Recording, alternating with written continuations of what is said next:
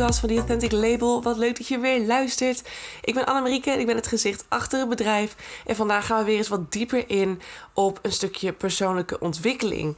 Ehm, afgelopen week kwam ik een mega mooie oefening tegen om echt in een rotgang en eigenlijk ook in een hele vrij laagdrempelige, nuchtere manier. Nou ja, nuchter, zodra dat is natuurlijk een beetje hoe je het persoonlijk ziet. Ik vind het heel nuchter, maar het kan natuurlijk ook best zijn dat mensen zeggen van ja, zolang je, zodra je naar gevoelens gaat kijken, is het voor mij niet meer nuchter.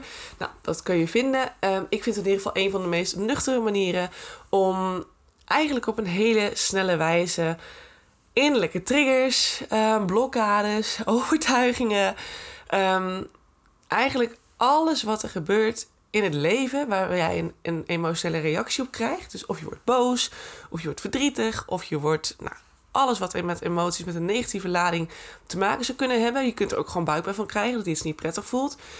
Dat zijn allemaal, allemaal triggertjes die jou in de weg kunnen zitten in het vervolg van jouw leven. Nou, ik heb natuurlijk al twee keer een oefening gedeeld in podcast 5 en podcast 12 volgens mij. Is echt helemaal in het begin. En de oefening in podcast 5 heb ik eigenlijk gewoon mijn hele carrière in persoonlijke ontwikkeling heb ik die eigenlijk gebruikt. En dus vanaf het moment dat ik leerde kennen ben ik het gaan gebruiken. En sindsdien heb ik toen eigenlijk nooit meer anders gedaan. En het werkte voor mij als een tierenlier. Ik, was steeds, ik werd er steeds beter in. Ik werd steeds beter in het ontdekken van... hé, hey, waar zit nou de kink in de kabel waardoor ik nu zo reageer? Maar ik besef me ook, en dat wist ik eigenlijk wel. Maar ja, ik dacht, ja, er is ook niet echt een makkelijke manier. Althans, ik had niet echt een makkelijkere manier gevonden. Um, die ik met je kon delen, waarop je het ook zou kunnen doen. Zonder dat je daarvoor best wel veel bewustzijn moet hebben. Want ja, als jij die oefening gaat doen van podcast 5, dan moet je dus heel erg de diepte in kunnen, maar ook bij jezelf kunnen terughalen waar precies het stukje zit waardoor je nu zo reageert. Dus je moet terug naar je kindertijd of je moet terug naar. Je moet misschien naar je familiepatronen kunnen kijken van oké, maar wie doet dit dan? En zou het dan van mijn moeder of van mijn vader kunnen zijn? Of misschien zelfs een van mijn voorouders. En het is daarin toch wel belangrijk dat je dus allereerst het stukje bewustzijn hebt, maar ook goed in contact staat met je intuïtie, zodat die, zodat die intuïtie jouw informatie kan doorgeven. Nou, en ik beweet dus ook van ja, ik had dus die oefening en ik wist ook wel bij mezelf van als dit als ik dit door ga geven, dan zal het niet door iedereen gedaan kunnen worden. Want veel mensen die niet openstaan in die zin, die zullen deze informatie niet kunnen achterhalen. Omdat ze gewoon best wel gewoon heel erg in de mind zitten. En vanuit de mind ga je de antwoorden niet vinden. Je moet naar, naar binnen toe, je moet zakken in je lichaam. Je moet naar je gevoel toe, naar je intuïtie toe, naar je hart toe. Om te kunnen achterhalen waar de kink in de kabel zit. Nou, ik had dan ook in podcast 12, volgens mij zeg ik de juiste nummers, maar ik weet niet zeker. Uh, had ik dan de oefening, hè, affirmaties schrijven. Alleen is dat gewoon een, een oefening wat best wel veel tijd kost. Je bent echt wel, nou ja, zeker één maand à twee maanden bezig om die nieuwe overtuiging aan te leren. Plus, het heeft niet per se de juiste dekking. Als jij echt heel erg in emoties schiet of heel erg buikpijn krijgt over iets, of heel erg ergens heel erg bang voor bent of onzeker over wordt. Um, dan wil, dat niet zeggen dat een overtuiging, een, een, een nieuwe affirmatie, uh, jezelf aanleren, een nieuwe overtuiging jezelf aanleren, dat dat voldoende is om, die, om dat hele gevoel erachter weg te krijgen. Um, je pakt hem namelijk te oppervlakkig. En het werkt uiteindelijk wel. Hè? Het kan dat het heel veel tijd gaat kosten voordat je uiteindelijk de juiste, het juiste puzzelstukje te pakken hebt. En je kunt er oppervlakkige overtuigingen mee uh, shiften. Maar het echt helen van bepaalde triggers, ja, dat zal met zo'n affirmatie niet voldoende zijn. Wat ik bijvoorbeeld mezelf wel heel erg heb aangeleerd met affirmaties, is dat ik mezelf op een gegeven moment, um, nou ja, voldoende zelfliefde kon geven. Of dat ik mezelf, dat ik begon in te zien dat ik het waard ben om geld te verdienen door middel van mijn onderneming. Want dat kon ik ook heel lang niet geloven. Dus dat zijn allemaal wel stukken waarbij affirmaties ontzettend geholpen hebben. Maar ik weet ook um, dat er dus een snellere manier is. En als je dus echt te maken hebt met, met pijnen in jezelf. Hè, want eigenlijk, ehm, zodra je dus gaat reageren in bepaalde, een bepaalde emotionele trigger. Dus door inderdaad verdrietig te worden, of door boos te worden, of door onzeker te worden, of door bang te worden, angstig te worden. Ehm, alles wat jou eigenlijk een negatief gevoel geeft, waar je eigenlijk het liefst van wegloopt, dat zijn eigenlijk allemaal triggers die dus in jou zitten en dus ontstaan zodra er iets van buitenaf is wat jouw trigger eigenlijk aanraakt en dus ja, triggert. En dat kun je die echte diepe laag kan je niet shiften door middel van affirmaties. Dus daarvoor had ik altijd podcast 5. Maar de oefening in podcast 5 is, zoals ik zeg, best wel heel spiritueel. Je moet best wel echt naar binnen kunnen. En ik weet ook dat er luisteraars zijn hier in mijn um, nou, podcast community. Die, ja, die, die dat misschien die dat misschien nog niet zo goed kunnen. Of die in ieder geval daar voor het eerst misschien mee beginnen en denken van ja, Anne, het is leuk dat je nu komt met hè, persoonlijke ontwikkeling voor ZZP'ers. En ja, fijn dat je, dat je daarmee start. Maar ja, tegelijkertijd, ik, ik ben helemaal, sta helemaal in het begin van alles. En uh, deze hele oefening van podcast 5, ja, meid, die gaat mij niet helpen. Want ik kom niet bij het stuk waar ik moet zijn. En als je er misschien al wel komt, dan kan het heel goed zijn dat je nog twijfelt of het niet je hoofd is die het bedenkt. Of dat het daadwerkelijk je intuïtie is die het je vertelt. Dus het zijn best wel lastige stukken. Nou, afgelopen week. En daarom wilde ik ook. Ik dacht direct van: oké, hier komt de eerste podcast die weer online gaat, gaat hierover. Um, want vorige week kwam ik een Instagram-account tegen. En dat Instagram-account ging ook heel erg over heling. Nou, onder andere was een van de grote onderdelen ervan. En zij hadden daar een bepaalde term voor. Zij hadden de term mirror exercise hadden ze bedacht. Nou, dat betekent, is eigenlijk niks anders dan de spiegeloefening. Nog even leuk om te noemen. Ik vind dat sowieso altijd best wel. Ergens vind ik het altijd heel leuk als ik dan gewoon in een happy state ben. Dat ik denk, haha, wat grappig dat iedereen jou eigenlijk spiegelt. Maar um, tegelijkertijd, zodra je in een trigger zit en denkt van, gadverdamme, dan vind ik het altijd helemaal kut. dat iemand mij dan spiegelt. Want wat gebeurt er? En dat is wel mooi waarom ze het ook de mirror exercise noemen. Um, jouw de mensen in jouw omgeving, de mensen in jouw leven, de, de, de situaties die je tegenkomt, de, um, alles wat er gebeurt in je leven is een weerspiegeling van jouw binnenkant. Wat wil zeggen dat uh, waar je van overtuigd bent, het is echt waar, waar je van overtuigd bent, wordt je realiteit. En je zult dus ook zien, als jij heel erg in angsten zit. Ik noem heel vaak het voorbeeld van mijn lengte. Um, ik weet nog periodes waarin ik heel onzeker was dat mijn over mijn, over mijn lengte, dat ik, ik ben 1,87. Nee, nou ja, 1,87 ongeveer. En um, ik weet nog in periodes dat ik dan heel onzeker was over mijn lengte, dat dat ook juist weer meer aandacht kreeg van de buitenwereld. Dus dat mensen er iets over gingen zeggen of een nare opmerking maakten. En eigenlijk simpelweg voeden waar ik van binnen eigenlijk al een beetje mee struggelde. En als ik dan periodes had waarin ik helemaal self-confident was over mijn lengte en over wie ik was en hoe ik eruit zag, grappig, maar dan bleven die opmerkingen uit of waren ze juist super positief. Nou, ik vind dat altijd heel komisch. Dit is even een voorbeeldje. Maar het is echt waar dat de buitenwereld, de wereld om je heen, de wereld waarin je leeft, de dingen die je meemaakt, het is een weerspiegeling van wat er binnen in jou gebeurt. En je zult dus ook zolang je nog met triggers in jou loopt, bijvoorbeeld stel dat jij heel erg onzeker bent over je aanbod binnen jouw bedrijf, of je bent heel erg onzeker over of mensen jou wel waard vinden, uh, of mensen jou, of, of je potentiële klanten of jouw klanten je wel waard vinden om geld in jou te investeren uh, je bent daar onzeker over, dan zul je ook zien dat je dus klanten zult hebben die of gaan proberen geld van je af te nemen, of dus door te zeggen van hé, hey, kan het niet wat goedkoper? Uh, kun je, kan je nog een kortingje geven? Uh, en als je onzeker bent over je aanbod, dan, nou ja, dan kunnen ze bijvoorbeeld ehm, je aanbod in twijfel trekken. Misschien dat ze dus helemaal niet komen. Want zolang jij onzeker bent over je aanbod, zal een klant ook niet het vertrouwen voelen in jouw aanbod. Nou, et cetera, et cetera. En eigenlijk mogen we dus veel meer bewust zijn van het feit van oké, wat gebeurt er nou? En dat is ook wel weer een beetje het creëren van bewustzijn, maar dat is gewoon simpelweg een stukje trainen.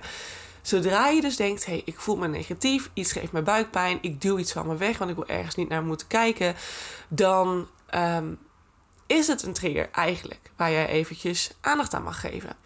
En dat account deed dat dus op basis van de Mirror Exercise.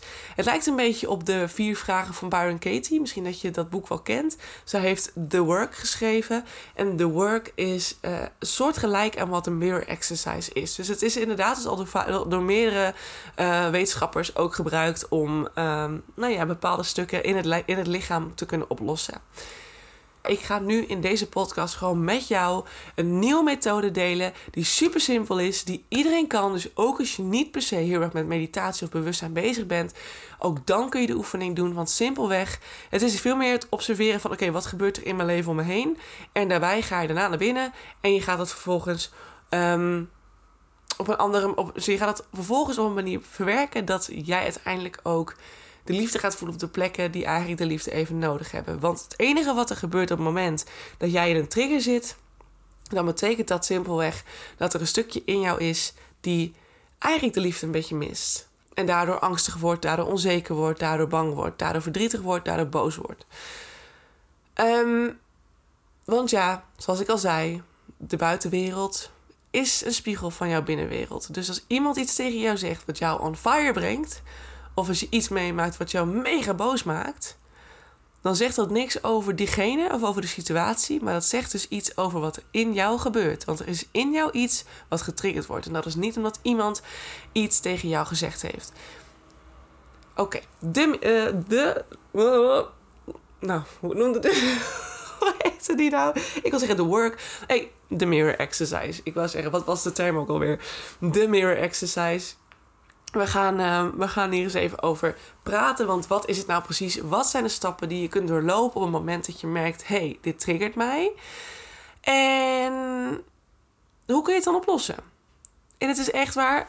Je kunt het in 10 minuten doen. Je kunt het zo lang doen als dat je wil. En de meer je het onder de knie krijgt, de sneller het gaat. En dan kun je zelfs op het moment dat er iets gebeurt, dus stel dat je bent in gesprek met een persoon en iemand die triggert jou, dan zou je op dat moment zelf, als je het echt goed onder de knie hebt, kun je op het moment zelf al zeggen van in je hoofd al de mirror exercise doen, waarvoor je, waardoor je vervolgens de trigger bij je wegneemt en gewoon vol, vol vertrouwen weer verder gaat. Want dat is het. Het is echt niet meer dan dat. Oké, de mirror exercise. Nou, stap 1. stap 1 is allereerst je bewust worden van de trigger. Ik zit even te denken of ik de afgelopen dagen... Ik heb heel veel triggers gehad de afgelopen dagen. Het ging achter elkaar door.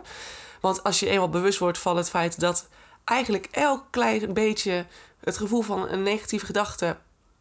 Ehm, zodra, zodra er een negatieve gedachte bij je opkomt, of een negatief gevoel, of iets, dat is al voldoende voor een trigger. Dat is een trigger. Zodra je je negatief voelt, is het een trigger. En de afgelopen dagen, nou, ik had er echt wel meerdere. Um, ik zit echt even te denken aan een goed voorbeeld. En of ik wel het voorbeeld van mezelf moet pakken.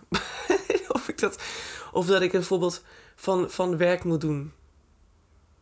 Ik denk dat ik gewoon een voorbeeld pak over. Ik denk dat ik een persoonlijk voorbeeld pak en een voorbeeld pak over bijvoorbeeld ondernemerschap. En dat is ook wel een voorbeeld die wel bij mij past en ook wel op mij heeft. Uh, ja, die bij mij ook wel plaats heeft gevonden, omdat ik gewoon echt wel een tijdje nou ja, die angst met me meedroeg. Ik heb hem dus niet geheeld door middel van deze mirror exercise, maar we kunnen het bijvoorbeeld gewoon alsnog gebruiken om eens te kijken van hé, hey, oké, wat gebeurt er nou en hoe pas je hem toe? Oké, eerst even het persoonlijke voorbeeld. Ehm, en dan pak ik gewoon een voorbeeld waar we het vaak over hebben. Hè, wat bij mensen toch vaak het meest is. Hè, wat, ons, wat ons het meeste bezighoudt. En dat is toch vaak persoonlijk wel of financieel of de liefde. En aangezien ik vaak zelf ook bezig ben met de liefde, pak ik daar gewoon even een voorbeeld van. En neem het voorbeeld. Oh, ik sla even tegen mijn tafel aan, excuses. Um, neem het voorbeeld over. Nou, misschien als je mijn intuïtie-podcast geluisterd hebt van een paar weken terug. Volgens mij vijf of zes podcasts geleden. Um, dan weet je dat ik. Uh, vertelde over, over een crush, een crush van mij. Iemand die ik heel erg leuk vond en die mij in de friendzone zette. Nou, en dat gebeurde heel vaak in mijn leven. Ik ben tot dusver eigenlijk voornamelijk in de friendzone gezet. Het is echt weer een patroon ook. Dat zijn ook van die dingen. Als jij een patroon steeds ziet terugkomen in je leven, steeds ziet herhalen, dan zit daar ook iets achter waar je naar mag kijken. Dus bij mij was het ook echt een patroon dat ik standaard in de friendzone gezet werd.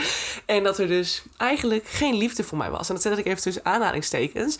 Want natuurlijk was er liefde voor mij, maar ik zocht het buiten mezelf. En dat was het probleem. Want uh, ja, zodra je iets buiten jezelf gaat zoeken, wordt het eigenlijk toxisch. Wordt het eigenlijk, ga je eigenlijk bij jezelf vandaan en denk je het bij een ander te kunnen halen, terwijl je het eigenlijk eens bij jezelf mag vinden voordat een ander het aan jou kan geven. Hè? Ik zeg het heel vaak: je kunt een ander niet geven wat je nog niet bij jezelf gevonden hebt. Maar eigenlijk werkt het andersom net zo: je kunt nog niet van een ander ontvangen wat je bij jezelf nog niet gevonden hebt bij mij was de trigger heel erg um, dat ik vervolgens zei: Ik ben natuurlijk vet verdrietig. En uh, mijn reactie was: Zie je nou wel, um, ik, ben, ik ben de liefde niet waard. Of, um, Nou ja, zoiets. Ik ben de liefde niet waard. Nou, je kunt het misschien wel inbeelden. Misschien heb je het wel eens meegemaakt dat je in de friendzone gezet bent. En dat het gewoon heel veel verdriet geeft. En dat de meesten van ons het niet leuk vinden. ik kan me niet voorstellen dat er iemand is die het wel leuk vindt. Want ja, je bent toch een klein beetje heartbroken als dat gebeurt. Oké, dus wat we dan vaak gaan doen, is dat we dus gaan wijzen met het vingertje naar de ander. Hè? Dus iemand die besluit om te kiezen voor zichzelf. En daarin dat, eigenlijk is dat dus mega goed, dat iemand dus besluit om te kiezen voor zichzelf. En tegen jou te zeggen, uh, ja, um, het is allemaal goed, maar ik wil liever vrienden met je zijn.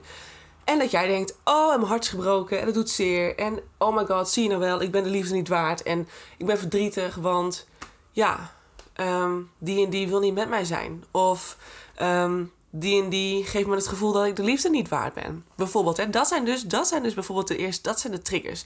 Dus de eerste, we gaan hem even goed formuleren. De eerste stap is achterhalen wat precies je trigger is. Nou, de trigger is in dit geval tijdens zo'n heartbreak is de trigger bijvoorbeeld um, ik ben verdrietig want Jan, noem hem Jan. um, want Jan geeft me het gevoel dat ik de liefde niet waard ben. Dat is de trigger. En wat je dan nog kunt doen, is om in het begin wat makkelijker te maken voor jezelf en te, goed te kunnen doorzien wat er precies gebeurt, is dat je het eens even opschrijft. Kijk, wat ik zei, ik ben zeven jaar al bezig met dit alles. Dus voor mij is het intussen, ik, ik ben zo, ik kan zo goed in die zin reflecteren dat ik dat allemaal niet meer doe. Maar als je net begint, is het wel heel verstandig dat je het gewoon even voor jezelf opschrijft en goed nagaat van, oké, wat gebeurt er nou? En dan hebben we de, de vijf W's, hè? De wie, wat, waar en dan waar, wanneer is eigenlijk dus eentje samen. En de waarom. Dus de wie is dan Jan. Jan die maakt me op dit moment verdrietig, want ehm, hij geeft me het gevoel dat ik, uh, dat ik de liefde niet waard ben. En dan is de wat, hè, wat, is, wat gebeurt er dan? Ja, is ik ben verdrietig, ik word verdrietig. Jan maakt me verdrietig. Waarom? Nou, omdat ze me in de friendzone gezet hebben en ik dus het gevoel heb dat ik het niet waard ben. Nou ja, en de waar en wanneer. Um, nou ja, meestal zitten we, voegen we die niet, per se toe aan de, aan de trigger. Maar dit kun je gewoon zeggen van ja, uh, in mijn leven. Ik ben, ik ben de liefde in mijn leven niet waard.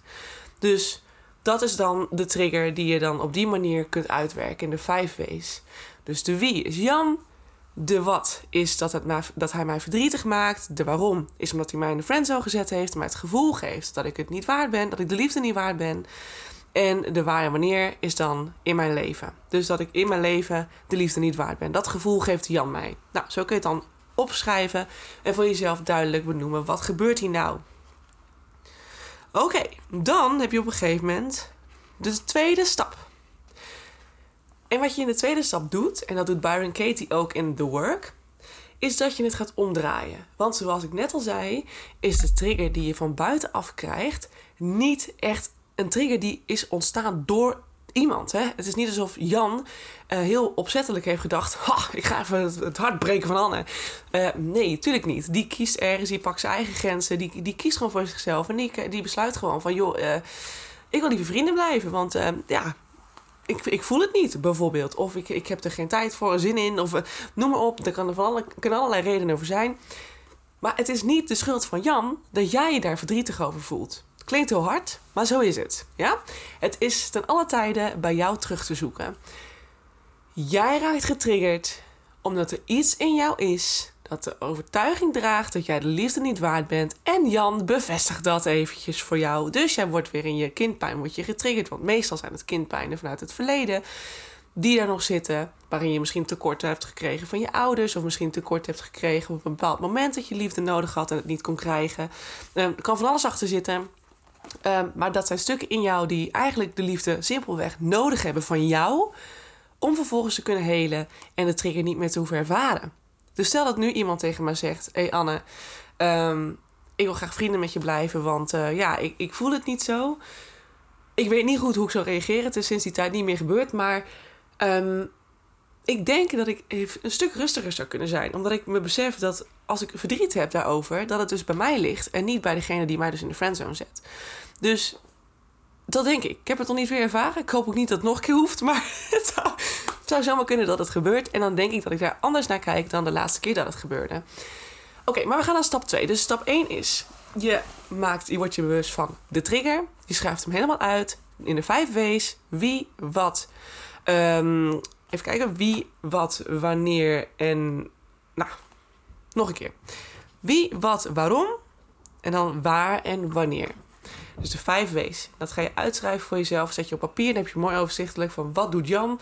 Waarom doet Jan dat? En uh, waarom voel ik me daarbij zo? En wanneer is het gebeurd? En et cetera. Ik heb het net uitgelegd. Nou, dan hebben we stap, stap 2. En bij stap 2 gaan we hem dus omdraaien. Oftewel, we gaan niet meer wijzen met het vingertje naar Jan, maar we gaan wijzen naar onszelf. Dus we formuleren hem dan nog een keer. Ik ben verdrietig omdat ik mij het gevoel geef dat ik de liefde niet waar ben.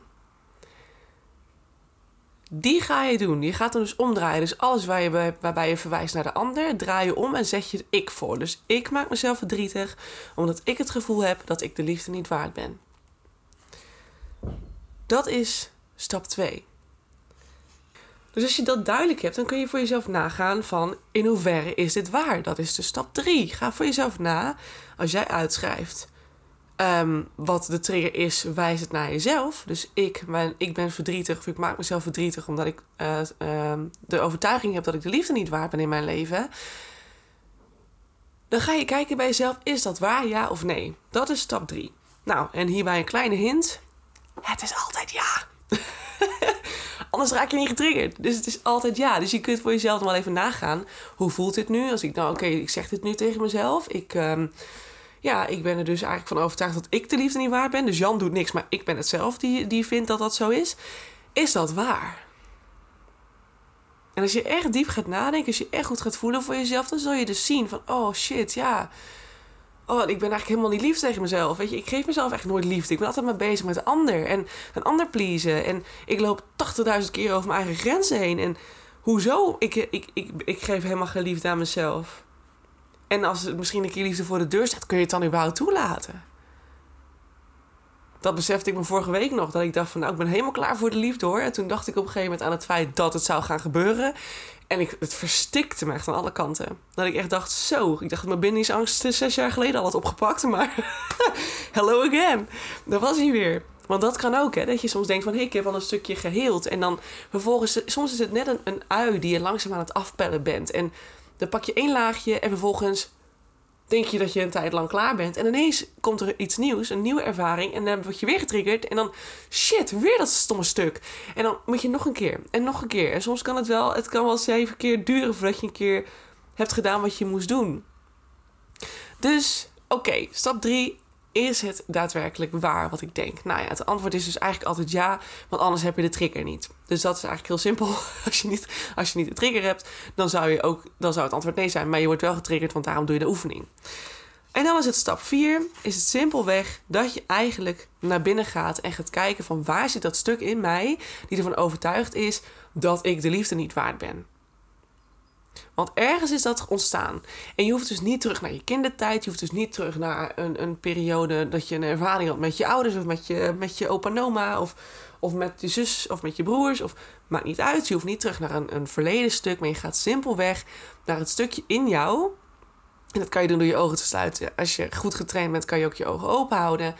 Um, en je gaat simpelweg gewoon eens aan ze vragen van wat heb je nodig? En echt waar, als jij dus je ogen sluit en je gaat nu, je, je, gaat nu gewoon vragen van mag het stukje in mij die ervan overtuigd is dat ik de liefde niet waard ben, wil dat stukje zich even laten zien. En je zult zien, en dat gebeurde bij mezelf ook meerdere malen, dat ik ook helemaal niet per se in een meditatieve stand was of zo, maar dat ik echt een soort van versie van mezelf zag met ook een bepaalde gezichtsuitdrukking. Dus of inderdaad angst, of inderdaad uh, boosheid, of inderdaad verdriet, of uh, heel klein voelen. Echt, maar ook zag ik echt zo'n mini-Annie ook. Dus was echt van die grappige dingetjes als je er echt voor open gaat staan. Um, en dan ga, dan ga, je gewoon eens vragen van... Goh, maar wat heb je van me nodig? En in de meeste gevallen is het simpelweg de aandacht geven... die het misschien heel lang niet gekregen heeft van jou. Um, dat kan al genoeg zijn om de trigger te helen. Maar ze zullen het, het, zal, het zal je aangegeven worden. Dat of ze hebben bevestiging nodig, of ze hebben goedkeuring nodig, of ze hebben liefde nodig, dat je ze simpelweg een knuffel geeft. Ja, dan wordt het wel weer even een stukje visualisatie, een stukje spiritueel. Maar anderzijds is het echt zo spiritueel, want je brein kent eigenlijk geen verschil tussen wat je visualiseert en wat er in de werkelijkheid gebeurt. Dus als je het visualiseert en je visualiseert dat je jezelf een knuffel geeft op dat stuk. En dat je zegt van meid, je bent 100% de liefde waard. En je gaat het gewoon krijgen ook, want you deserve it, you're amazing. Ehm, uiteindelijk zul je zien dat het door dat simpelweg even, als het een minuut doen. En misschien niet eens, misschien is 20 seconden genoeg. En misschien is één knuffel dat ze zeggen, oké, I'm good. En dan gaan ze weer, doei. Nou, that's all. That's all it needs. En dan, poef is weg. Dan is het weg. En meer is het niet. Dus ik maak het echt een heel lang lulverhaal van. Ik weet het, het kan echt veel sneller.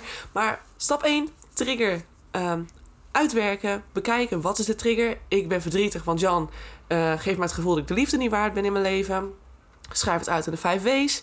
Jan is de wie. Um, wat heeft hij gedaan? Nou, het maakt me verdrietig. En uh, wanneer en waar. En dat is in mijn leven. En uh, nou, et cetera, et cetera. Zoals ik het net zei, de vijf W's. Vervolgens stap 2, draai hem om. Ik maak mezelf verdrietig omdat ik ervan overtuigd ben dat ik de liefde niet waar ben in mijn leven. Stap 3, is dat waar? Antwoord is altijd ja. Anders had je geen trigger gehad. En stap 4. Ga vervolgens, haal dat stukje er eens even bij die in jou overtuigd is van het feit dat je de liefde niet waard bent. Vraag wat het nodig heeft. Geef het de liefde die het verlangt. Of geef het de bevestiging die het verlangt. Of iets in die richting. En it's done. Het is klaar. En wat ik zeg, soms kan het inderdaad nog een keer terugkomen, maar dan is het een andere level, een ander niveau, is een stukje dieper. Je gaat steeds een stukje dieper. Het is overal ergens goed voor. Dus daar mag je dan ook op vertrouwen dat het wel ergens goed voor is, dat, dat dit nou gebeurt. Um, maar dit is de oefening, de mirror exercise. En ik geef even de credits aan Jeff en Shalia. En um, zij, uh, zij hebben dit uh, ontdekt. Ik heb het boek hier voor me. Dus um, ja, super interessant. Een mirror exercise. Super simpel, super snel te doen. Het is heel praktisch, heel tastbaar. Van wat gebeurt er nou in de, in de buitenwereld? Oké, draai het om. Dan heb ik het dus over mezelf. En vervolgens, dan moet ik dus dat stukje in mij die die pijn ervaart. En die dat verdriet ervaart en die boosheid ervaart. Die moet ik dus de liefde geven. En that's all. En zo werkt het ook. Hè, want ik zei, ik zal ook een voorbeeld geven over uh, een stukje wat betreft ZZP'ers. Want we zijn natuurlijk ook heel erg gefocust op ondernemers. Um, dus dat doen we ook nog even een voorbeeldje van. Oké, stel dat je gaat beginnen met ondernemen en misschien kom je uit loondienst, misschien uh, kom je vanaf je, vanaf je studie en je gaat direct door um, als ondernemer of je begint dus als ondernemer vanuit loondienst. En je besluit je vaste baan op te zeggen en je gaat er volledig all in en je denkt oké, ik voel dit, ik ga dit doen, ik ga nu beginnen voor mijn eigen bedrijf en ik ga er alles aan doen om dat een succes te maken. En toch, diep van binnen ben je er een beetje onzeker over. En elke keer, zodra je bijvoorbeeld bij iemand op visite gaat, zegt diegene tegen jou: Maar moet je dat wel doen? Moet je wel stoppen met je fulltime baan om vervolgens te gaan ondernemen? En je weet helemaal niet zeker of het wel goed komt. En je weet helemaal niet zeker of je voldoende geld gaat verdienen. Want mensen projecteren ook hun angst op jou. Hè? Dus het zou heel goed kunnen zijn dat je dit dus vaak te horen krijgt. Ik hoor het veel meer om mij heen dat mensen zeggen: Oh, wat, wat dapper dat je dat doet. Want ja, de kans dat dat goed gaat is natuurlijk helemaal niet zo groot. Best wel heel negatief natuurlijk. En omdat jij nog best wel onzeker erover bent, omdat jij natuurlijk net begint en dat je het zelf ook spannend vond om de keuze te maken van oké, ik ga ondernemen, ik ga stoppen met mijn baan en ik ga dit doen. En dan hoor je van iemand, ja, maar zal je dat wel doen? Vervolgens ga je naar huis en dan ben je helemaal, helemaal in de setstand, want je voelt je verdrietig en je voelt je negatief en je krijgt er buikpijn van. Van shit, moet ik het wel doen?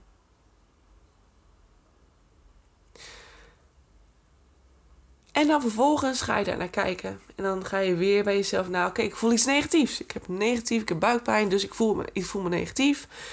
Er is iets gaande in mij, ik ga er naar kijken. Ik weet waar het wegkomt, want het is ontstaan toen ik bij, uh, weet ik veel, op bezoek ging. Even een voorbeeldje. Ik krijg geen Femke, maar voorbeeldje. En uh, nou, je ging met Femke op bezoek en Femke zegt tegen jou... Oké, dus je gaat nu kijken van wat is de trigger? Ik voel me verdrietig.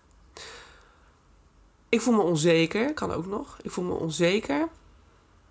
Omdat Femke zegt dat mijn onderneming geen kans op slagen heeft. Bijvoorbeeld, als je hem even heel specifiek pakt, want het wordt natuurlijk, hè, ze kunnen het vaak een beetje wat vaag benoemen. Hè, van ja, zou je dat wel doen? En ja, want de kans dat dat niet lukt is natuurlijk heel groot. Nou, dus dat je daar gaat kijken van wat is daarin jouw grootste trigger. Dus laten we zeggen, ik ben verdrietig, ik ben onzeker. Ik pak hem op onzeker, sorry, dat wordt weer heel uh, verwarrend verhaal. ik ben onzeker doordat Femke zei dat mijn onderneming geen kans heeft op slagen. Oké, nou, dan weet je wat je te doen staat. Hè? De vijf W's ga je vervolgens weer uitschrijven. De hoe, de wie is Femke. Wat is, in dit geval, maakt mij onzeker. Ze maakt mij onzeker. En waarom? Omdat ze zegt dat mijn bedrijf niet gaat slagen. En waar en wanneer? Nou, dit jaar of in mijn leven of gedurende tien jaar, vul hem in. Oké, dan hebben we dat dus uitgewerkt. Dat was stap 1. Stap 2 is vervolgens, je draait hem om. Ik voel me onzeker omdat ik denk dat mijn bedrijf niet gaat slagen. Femke is simpelweg de trigger. Stiekem diep van binnen is dat natuurlijk al waar je onzeker over was. Dus komt het extra naar voren. Stap 3. Is het waar wat ik denk? Nou ja, dan zal het antwoord weer ja zijn, want anders heb je de trigger niet. En dan stap 4, dus even stap 3 doorvoelen. Hè, van wat voel ik dan en wat zeg ik dan tegen mezelf en wat gebeurt er dan op dat soort momenten. En dan stap 4, roep het naar voren, vraag of het zich wil laten zien. En vervolgens vraag aan het stuk aan je in jou, wat heb je nodig? Wat mag ik jou geven waardoor deze trigger stopt? Nou ja, en dan geef je diegene, of degene, dan geef je het stukje in jou bijvoorbeeld de bevestiging dat jij helemaal overtuigd bent en gelooft in het feit dat dit gewoon een succes gaat worden. En that's it. En het werkt met alles zo. Ook als je niet eens, soms heb je niet eens een trigger nodig van iemand. Soms heb je bijvoorbeeld, wat ik ook heel vaak hoor, is bijvoorbeeld de trigger uh, of het stukje: ik durf mezelf niet te laten zien online. Want mensen gaan er wat van vinden als ik dat doe. Of ik ben bang dat mensen er wat van vinden. Um, dan is, kan je die ook omdraaien. Hè? Ik ben bang om mezelf te laten zien online, omdat ik denk dat ik iets van mezelf ga vinden. En vervolgens ga je weer kijken, is dat waar? Ik vind dat van mezelf, ja. Want ik vind niet dat ik er knap genoeg uitzie. Of ik vind dat ik niet leuk genoeg ben. Of ik vind dit, of ik vind dat. Oké, naar binnen. Vraag het stuk weer naar voren en zeg wat heb je nodig waardoor ik wel goed over mezelf. Hè, dat, ik, dat ik niks over mezelf vind en juist gewoon super blij word van mezelf. Nou, en dan heb het weer geven, liefde geven en vervolgens is het opgelost. Het is echt niet meer dan dat. Het is eigenlijk super simpel. En daarom wilde ik hem ook zo graag met je delen. Want dit is gewoon een ideale manier die je bijna gewoon praktisch op de wc kunt doen. Als je bij iemand bent en iemand triggert jou, dan zeg je: Yo, ik ga even naar het toilet.